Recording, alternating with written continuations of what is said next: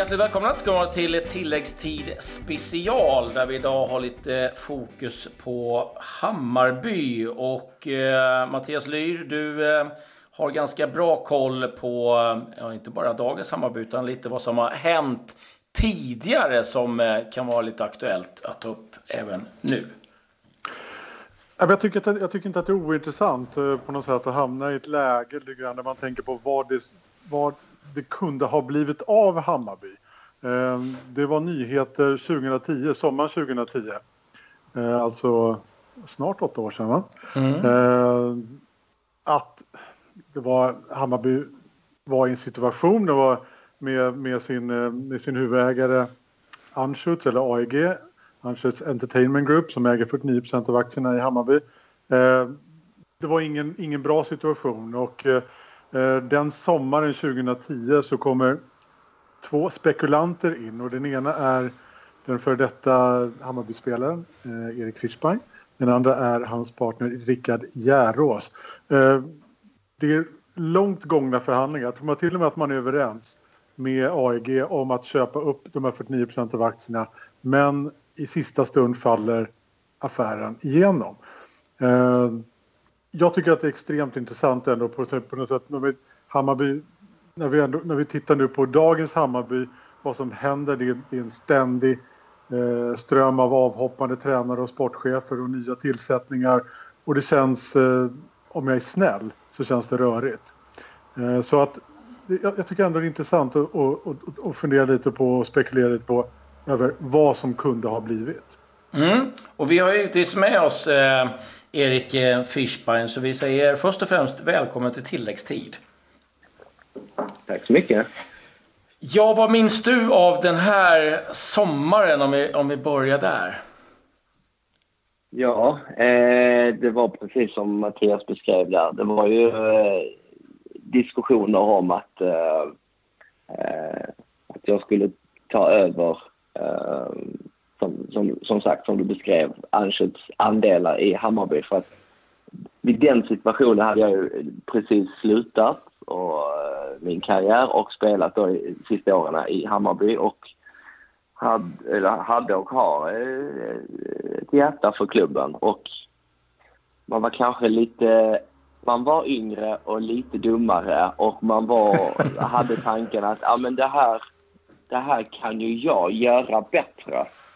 Och eftersom jag ansåg och ans, ja, anser, ansåg då att ja, med lite pengar och även fotbollskunnandet från insidan. För jag har trots allt varit, varit på den andra sidan, vilket ofta styrelseledamöter och ägare inte varit, så hade jag min modell eh, framarbetad. Så eh, det var ju en person som indikerade att, eh, att en sån affär kan, kan och behöver eller måste göras och då eh, då var det nära att en affär skedde. Men eh, kort eh, sammanfattat så vågade jag inte till slut.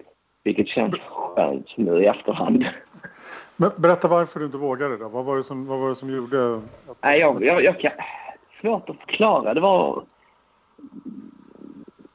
Jag vet inte. Till slut så blev det alltså rykten kom, i, kom igång och började till kännedom om att det skulle ske och det var verkligen så att det skulle ske och då började massa folk kontakta en och då kände jag att äh, men det här trycket eh, vilket då man hamnar då mitt i en sån här hets och puls igen. Det var jag inte redo för till den tidpunkten.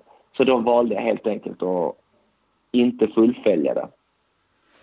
Men var det, var det, var det, krafter, var det krafter utifrån, supportergrupp eller var det bara liksom mediatrycket? Ah, jag vet inte vad man ska säga om det. Jag vill inte, jag vill inte komma med några revolutionerande nyheter, men eh, nej, det var, liksom, det var inga hot, det var inget sådär, utan det var, jag hade inte riktigt suget. Uh, ja, det var ju mycket media då, för uh, bland annat. Uh, och det kände jag och lite supportrar som ringde, började ringa och kontakta och då kände jag att det här orkar inte jag vara mitt i igen. Då har jag precis kommit ur eh, fotbollsvärlden så skulle jag in igen och bli Eh, försök, försökte skapa mig eh, en, en, eh, en icke-sportslig grund, verksamhet, försörjning efter fotbollen och då vill jag inte in i det där igen. Så att, eh, jag, man kan väl säga fegade ut. För att det var ju, jag var väldigt nära att komma överens för att äh, vi, vi pratade mycket med Anschuts representant då som var de Per Magnusson som då var ordförande. Så att vi var ju nästan hemma. Men eh, jag hade inte eh, orken. Jag hade inte energin för att, för att kunna driva det på det sättet jag hade behövt göra. Det, är ju en, det var ju både en spektakulär tanke men också jag menar, det, man sätter sig samtidigt i en ganska otacksam sits när man köper 49 procent av en klubb. För det handlar om ett ägande utan att ha, mm. den yttersta, ha det yttersta beslutet. Eh, hur, hur, ser du på det? Eh, ja, men det var ju, jag såg ju inte själva primärt affären utan det var ju nöjet att kunna jobba eh, med det man, det kanske vi alla mest gillar med, fotboll och även kombinera då med eh, att kunna driva företaget och föreningen bättre än vad det, det gjordes då. Men eh, nu från sidan så verkar de ha åtminstone fått ordning på det, vilket är jätteroligt att se. Åtminstone att de har ekonomin i balans. Så att uh, det har ju, då var det ju fullständigt kaos det vet jag, för jag hade ju jätteinsyn i, i Hammarby då. Hur mycket skulle 49 procent av aktierna i Hammarby kosta? Uh, in, vad ska jag säga, inte många miljoner. Mm. Under fem? Utan, utan de var bara glada om att, för att, att jag skulle ta över och kunna driva det. Kanske att de kände att jag skulle komma med ny energi. För jag hade min affärsplan klar och eh, förklaring på hur jag såg på det och hur jag skulle vilja driva det vidare. Deras intresse var ju bara att någon skulle kunna driva det bra så att de skulle kunna få en bra hyresgäst. För deras intresse var ju bara för att kunna ha för driften på själva området, alltså arenan, eh, Globen och eh, Tele2 Arena. Så de ville ju bara också att det skulle vara en bra produkt. Det var inte pengarna för deras del. De ville att det skulle vara en framgångsrik förening. Om du tittar på som utifrån, om du tittar utifrån idag. Tycker du att Hammarby mm. nyttjar sin potential till 100 procent? Det tycker vi alla från sidan. Och det tyckte även jag när jag spelade. Det har ni aldrig gjort. Det kan väl ni två också hålla med om? Väl? Ja. ja.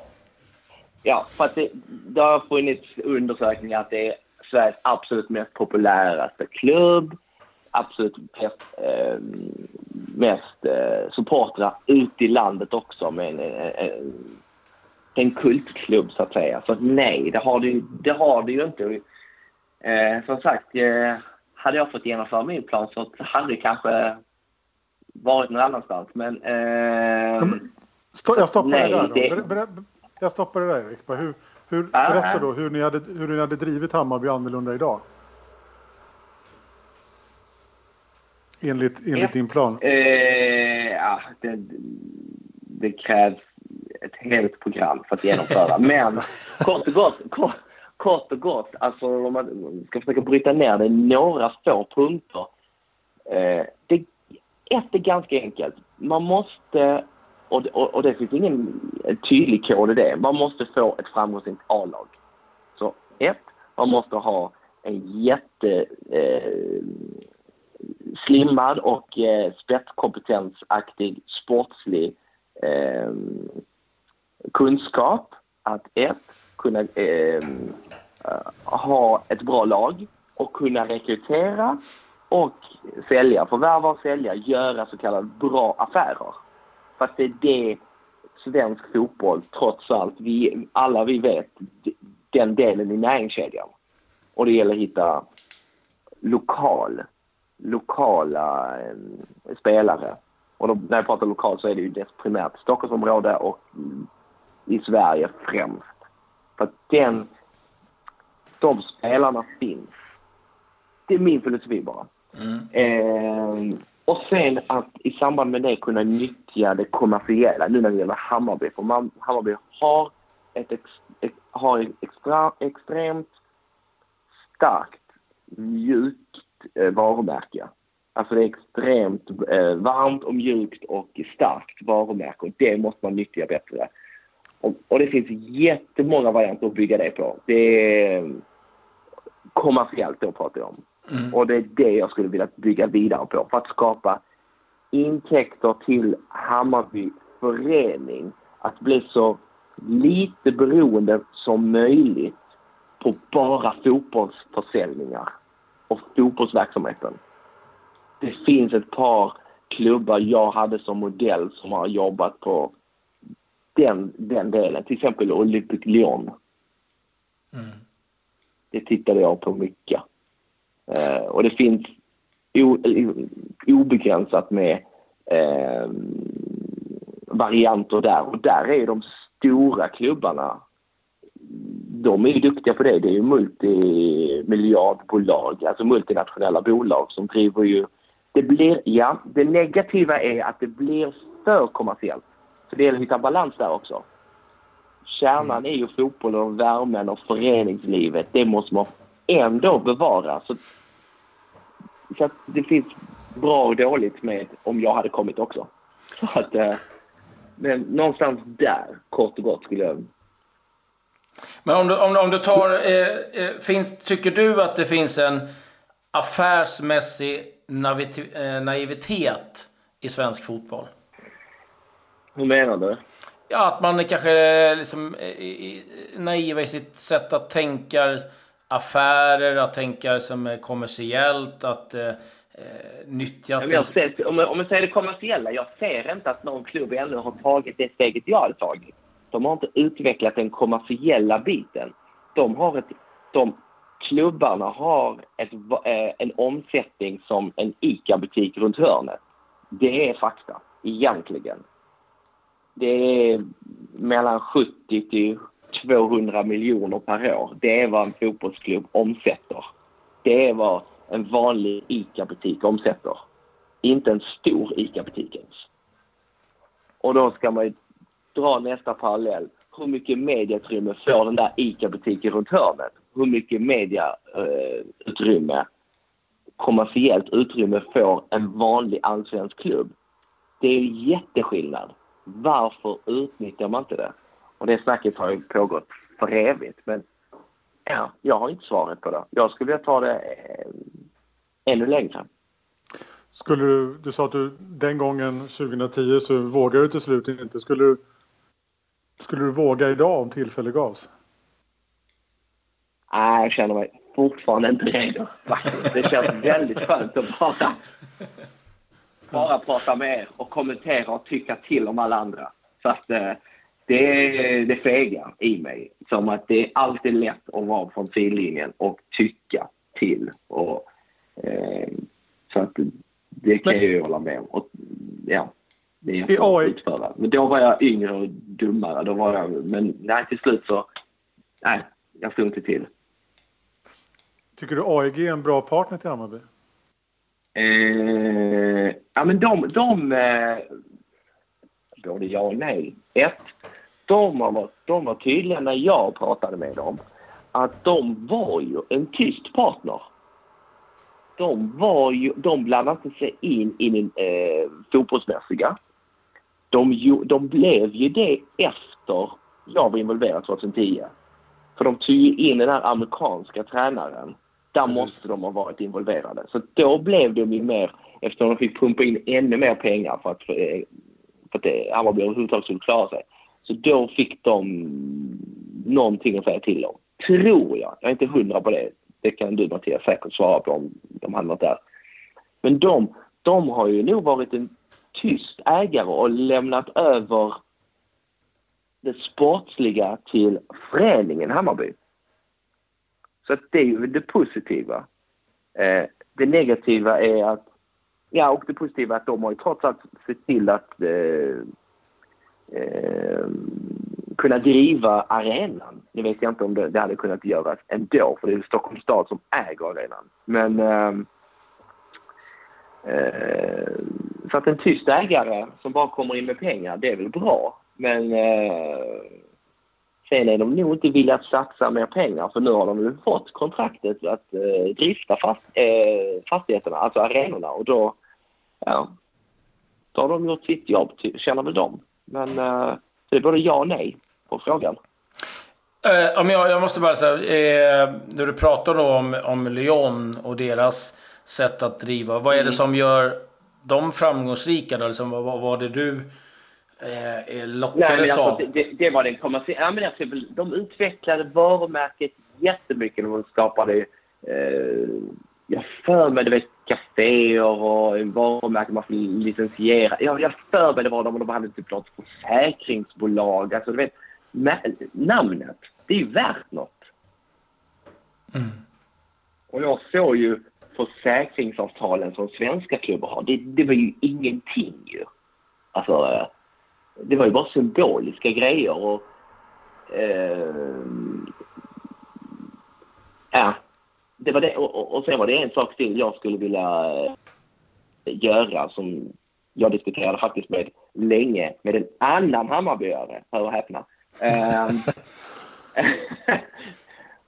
det var att jag ville ta det till nästa steg gällande hela allsvenskan och göra det lite mer aktivt som Premier League. Mm. Att många grejer är allsvenska klubbar låsta vid. Till exempel, eh, aren, arenareklam och programblad och eh, allt sånt där. Utan det är ju typ svensk fotboll som låser många allsvenska klubbar. Såg jag på det då, när jag tittade närmare på det. Om, om du, du inte det är väl bara... del av föreningslivet, antar jag. Du, du, du är inte bara en, en, en tyckare utifrån, du, du är en tämligen framgångsrik affärsman också. Men om du, om du använder ditt tyckande lite grann nu. Eh, och när du mm. ser Hammarby utifrån. Det är, det är en klubb som de senaste åren har avverkat alltså tre sportchefer på, ganska, på, på tämligen kort tid. Eh, ännu fler tränare. Eh, om det inte är... Det, det, det, vad heter det, stöps nya femårsplaner liksom, eller, eller, eller vad heter det, långtidsplaner relativt ofta. Men om det inte är den anställda personalen, vem, var i ligger det grundläggande problemet i Hammarby? När man har ekonomin i balans men man lyckas ändå inte få ut 100 procent av det. Jag vet inte. Vad, vad, är det grundläggande problemet i Hammarby? Ja, det där det är den ena delen jag pratar om. Alltså, det, det är ju, man ser på det ekonomin. Nu är den i balans.